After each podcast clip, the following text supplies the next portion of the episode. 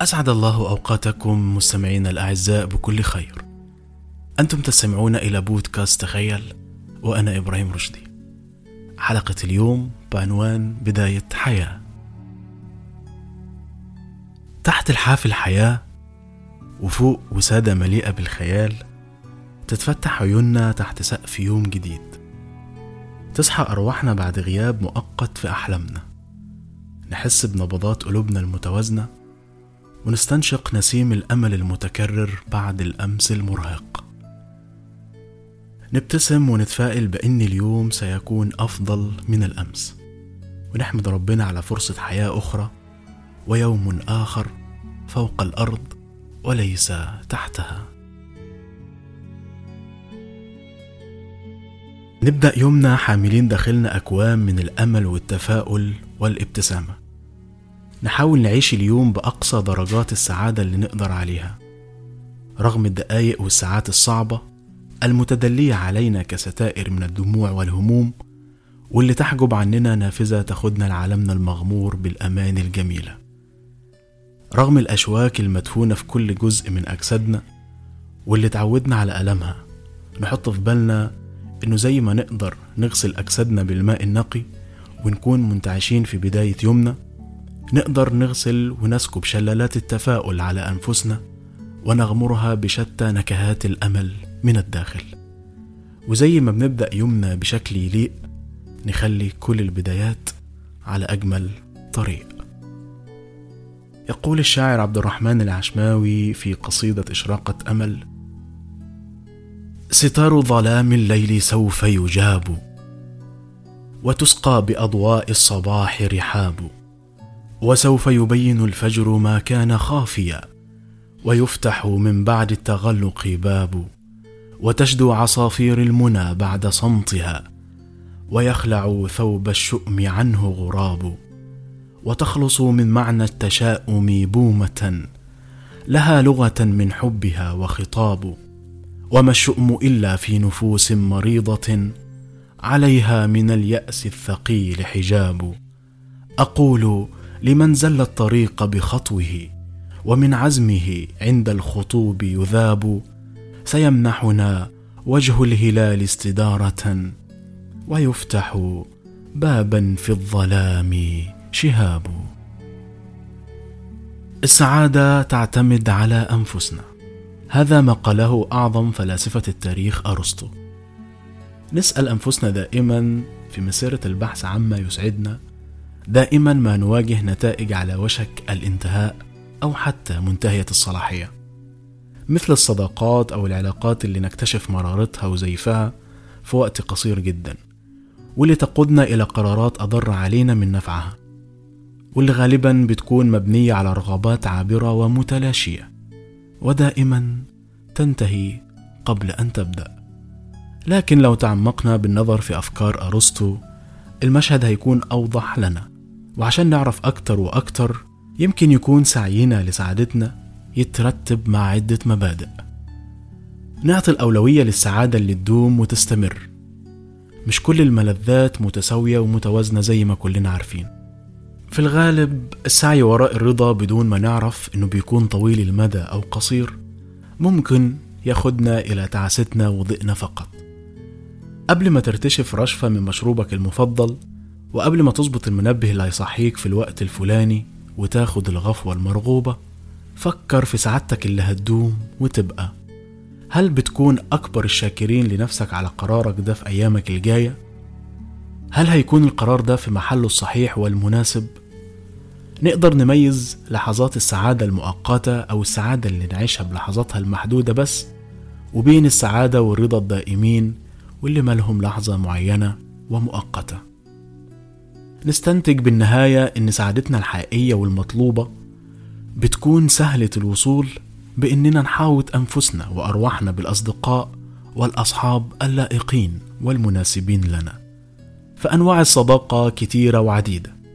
بعضها مبني على مكاسب ومصالح شخصية بحتة والبعض الآخر مبني على المتعة المتبادلة بشتى أنواعها. أما بالنسبة للنوع الأهم في الغالب هي اللي بتكون معززة. لنا في ارتقائنا واتزاننا وعلى تحفيزنا على إننا نكون أشخاص أفضل من الأمس. وإننا نثري حياتنا بعلاقات حقيقية وذات معنى حميد ومزهر. وإننا نكون جاهزين على تحصيل الرضا الحقيقي واللائق فينا.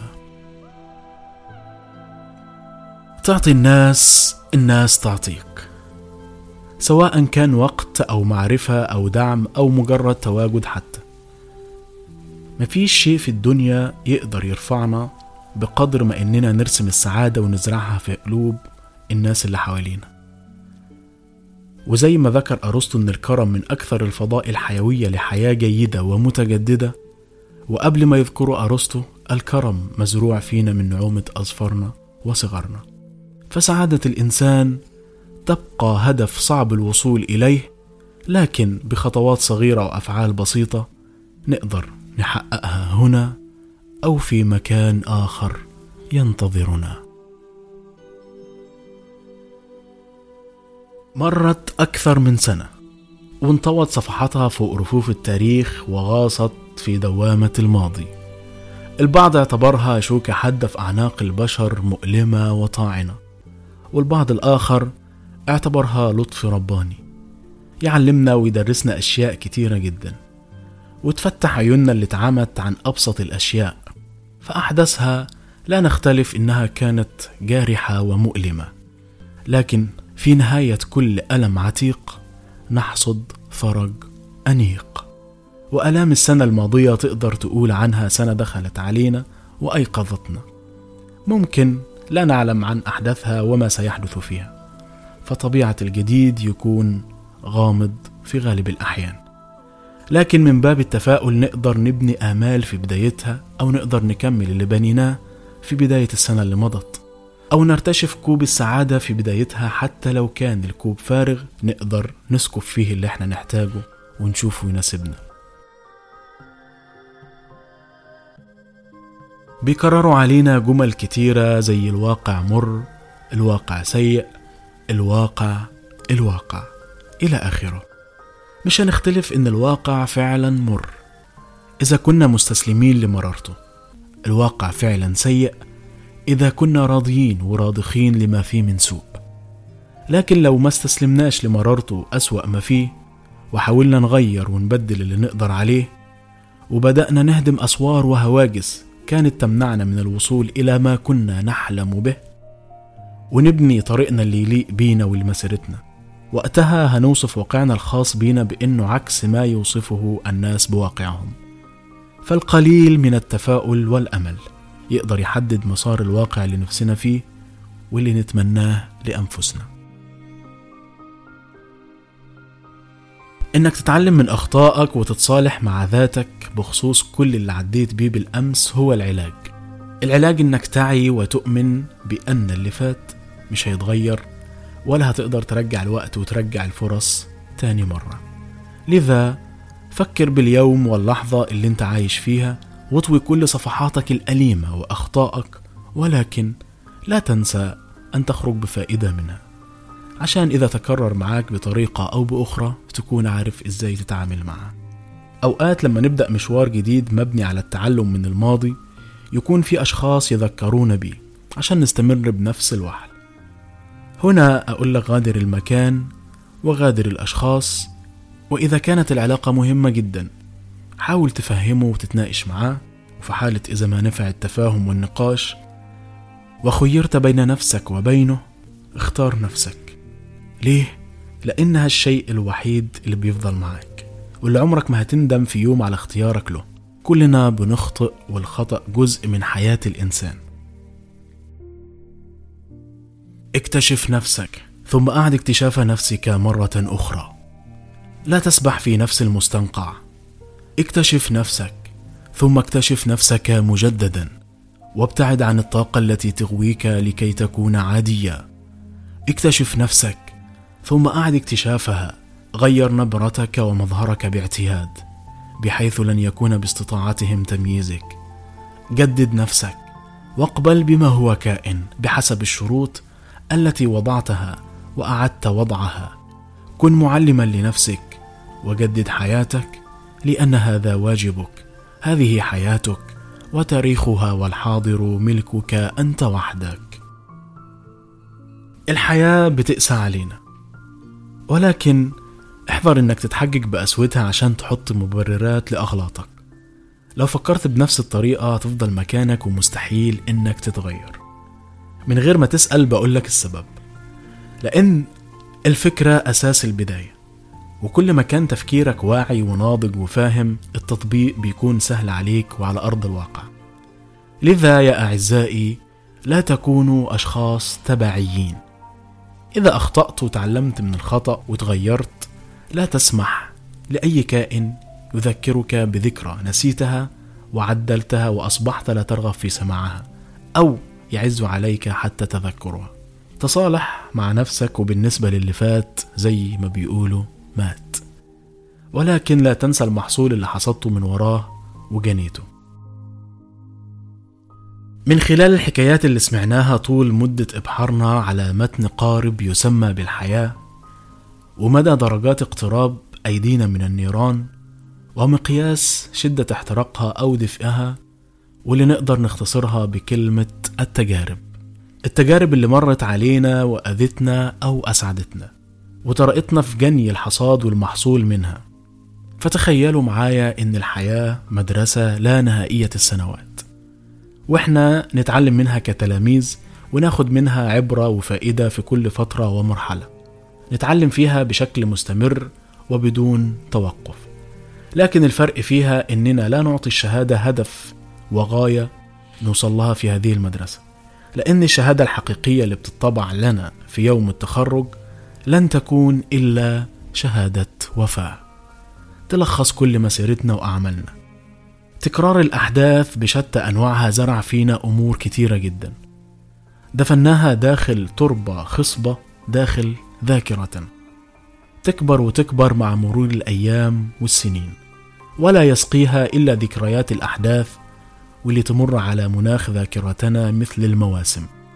إلى أن تتحول إلى شجرة. ومن شجرة إلى بستان. ومن بستان إلى غابة. غابة تتمركز داخل رأس كل واحد فينا.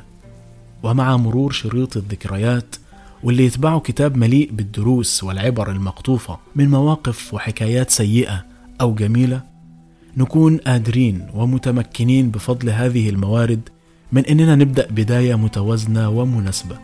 مناسبة لنا كأشخاص لا زالوا يتعلمون من هذه الدنيا. نبدأ بداية تليق فينا. سواء بداية سنة جديدة أو بداية علاقة جديدة أو بداية هدف جديد. بداية لأي بداية؟